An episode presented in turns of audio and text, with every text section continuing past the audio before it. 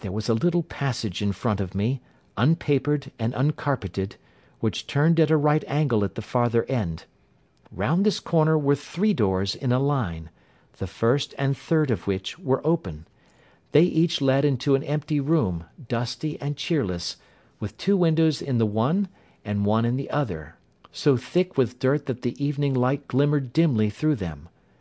The centre door was closed, and across the outside of it had been fastened one of the broad bars of an iron bed, padlocked at one end to a ring in the wall, and fastened at the other with stout cord. The door itself was locked as well, and the key was not there. This barricaded door corresponded clearly with the shuttered window outside, and yet I could see by the glimmer from beneath it that the room was not in darkness. Evidently there was a skylight which let in light from above. As I stood in the passage gazing at this sinister door and wondering what secret it might veil, I suddenly heard the sound of steps within the room, and saw a shadow pass backward and forward against the little slit of dim light which shone out from under the door. A mad, unreasoning terror rose up in me at the sight, Mr. Holmes. My overstrung nerves failed me suddenly, and I turned and ran ran as though some dreadful hand were behind me clutching at the skirt of my dress. I rushed down the passage, through the door, and straight into the arms of Mr. Rucastle, who was waiting outside. "So," said he, smiling, "it was you, then. I thought that it must be, when I saw the door open." "Oh, I am so frightened!" I panted. "My dear young lady, my dear young lady! You cannot think how caressing and soothing his manner was. And what has frightened you, my dear young lady?" But his voice was just a little too coaxing. He overdid it. I was keenly on my guard against him. "I was foolish enough to go into the empty wing," I answered, "but it is so lonely and eerie in this dim light that I was frightened and ran out again. Oh, it is so dreadfully still in there!" "Only that?" Said he, looking at me keenly. "Why, what did you think?" I asked. "Why do you think that I locked this door?" "I am sure that I do not know." "It is to keep people out, who have no business there. Do you see?" He was still smiling in the most amiable manner. "I am sure if I had known well, then, you know now and if you ever put your foot over that threshold again here in an instant the smile hardened into a grin of rage, and he glared down at me with the face of a demon I'll throw you to the mastiff. I was so terrified that I do not know what I did. I suppose that I must have rushed past him into my room. I remember nothing until I found myself lying on my bed trembling all over. Then I thought of you, Mr. Holmes. I could not live there longer without some advice. I was frightened of the house, of the man, of the woman, of the servants, even of the child. They were all horrible to me. If I could only bring you down, all would be well. Of course I might have fled from the house, but my curiosity was almost as strong as my fears. My mind was soon made up. I would send you a wire. I put on my hat and cloak, went down to the office, which is about half a mile from the house, and then returned, feeling very much easier.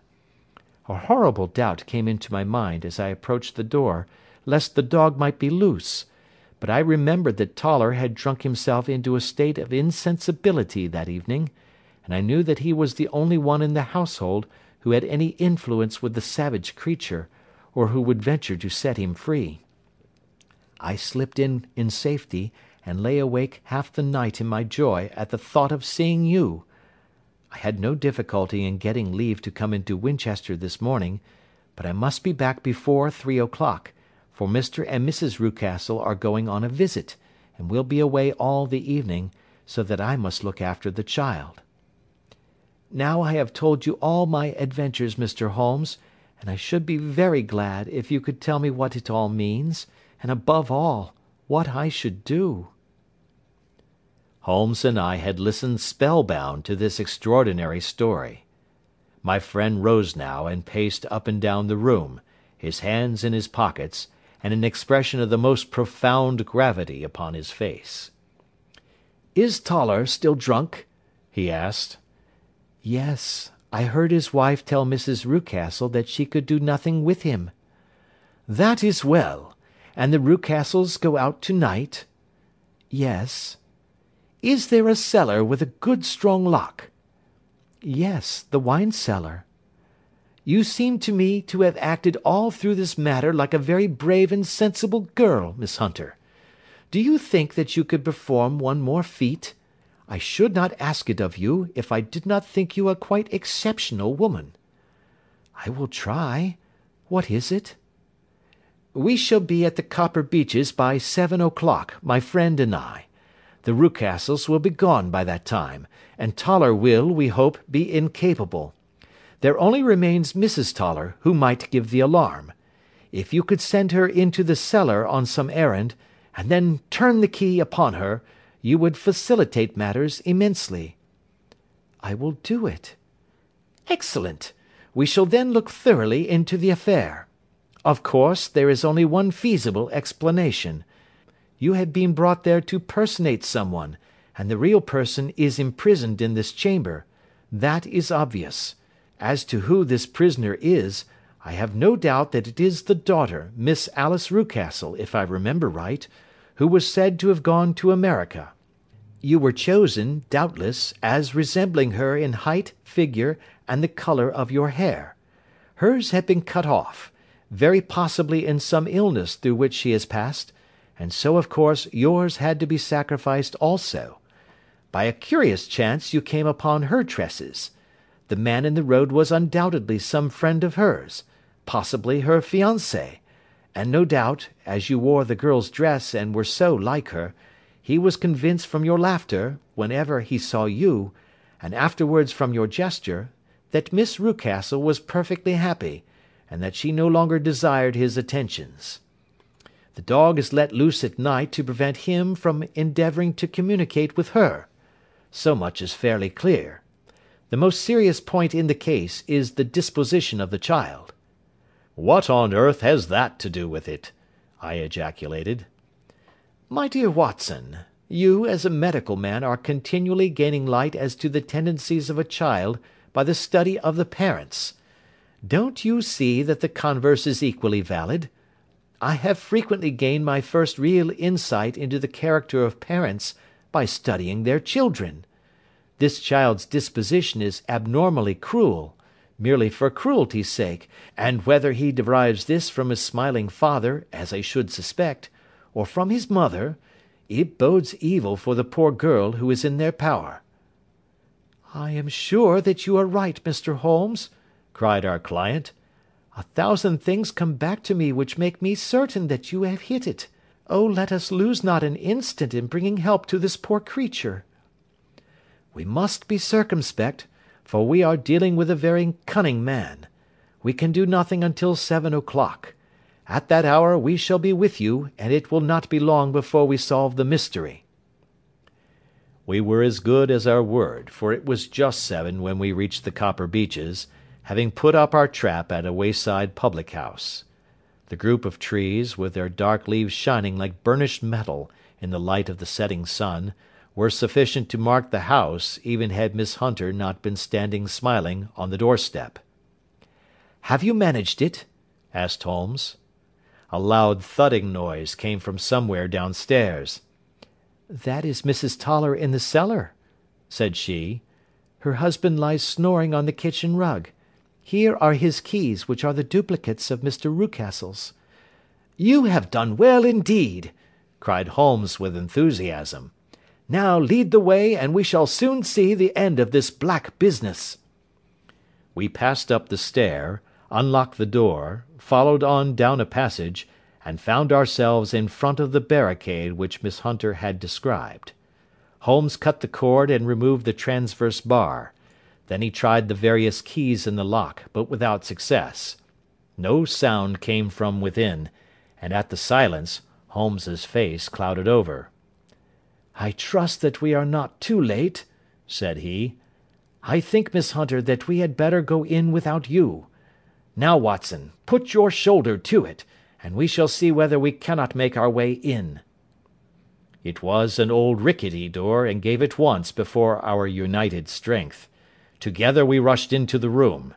It was empty. There was no furniture save a little pallet bed, a small table, and a basketful of linen.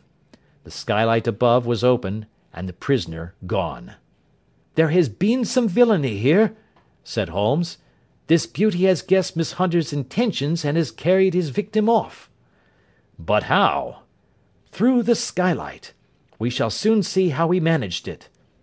He swung himself up on to the roof. "Ah, yes!" he cried. "Here's the end of a long light ladder against the eaves. That is how he did it." "But it is impossible," said Miss Hunter. "The ladder was not there when the Rucastles went away." "He has come back and done it. I tell you that he is a clever and dangerous man.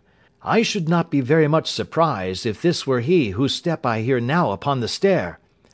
I think, Watson, that it would be as well for you to have your pistol ready." The words were hardly out of his mouth before a man appeared at the door of the room, a very fat and burly man, with a heavy stick in his hand. Miss Hunter screamed and shrunk against the wall at the sight of him, but Sherlock Holmes sprang forward and confronted him. "You villain!" said he.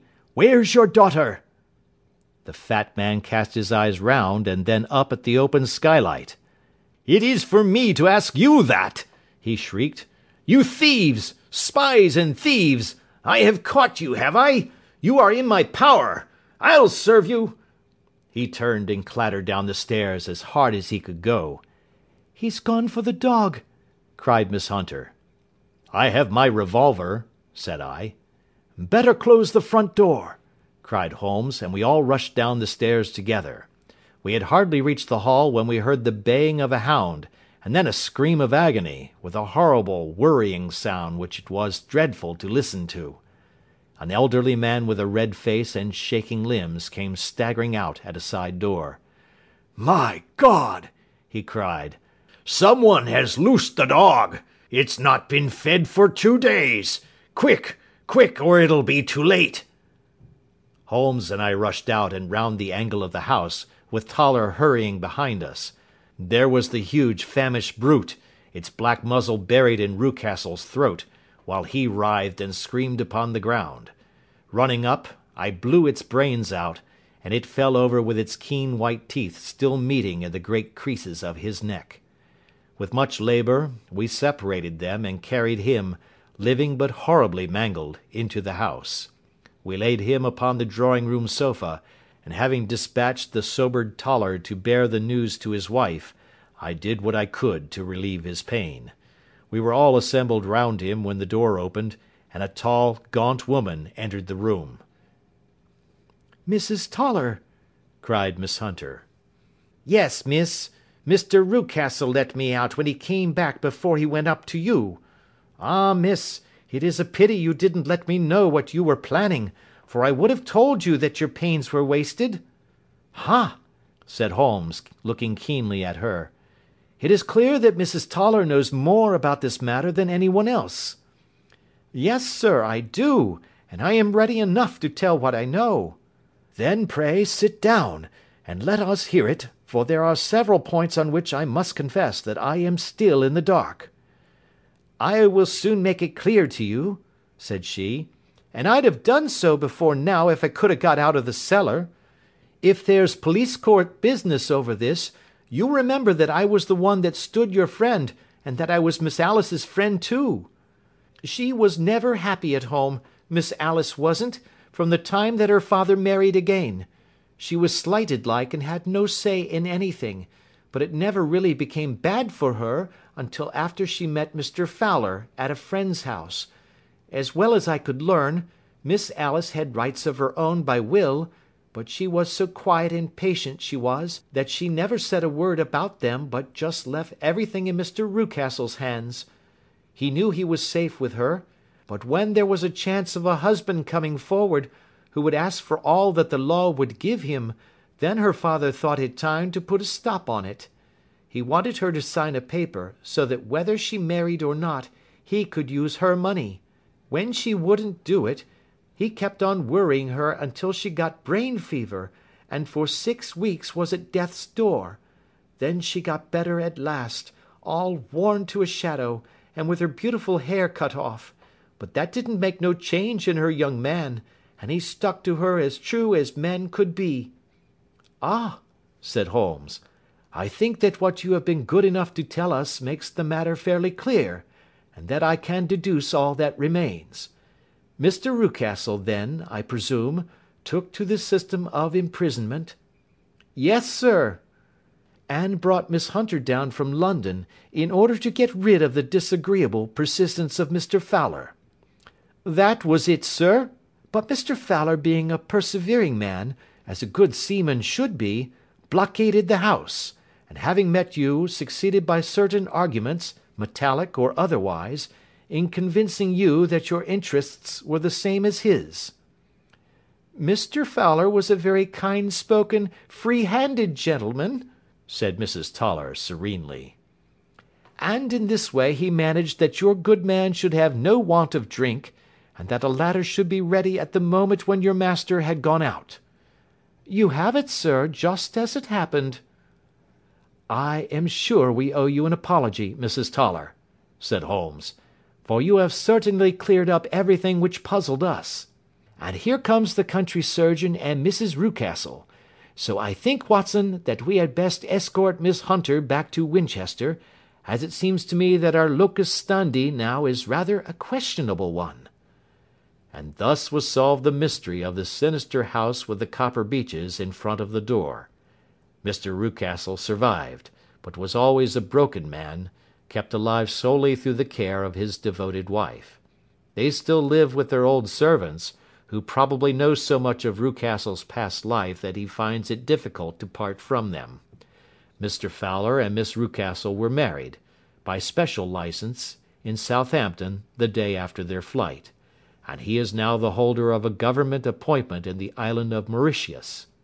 As to Miss Violet Hunter, my friend Holmes, rather to my disappointment, manifested no further interest in her when once she had ceased to be the centre of one of his problems, and she is now the head of a private school at Walsall, where I believe that she has met with considerable success.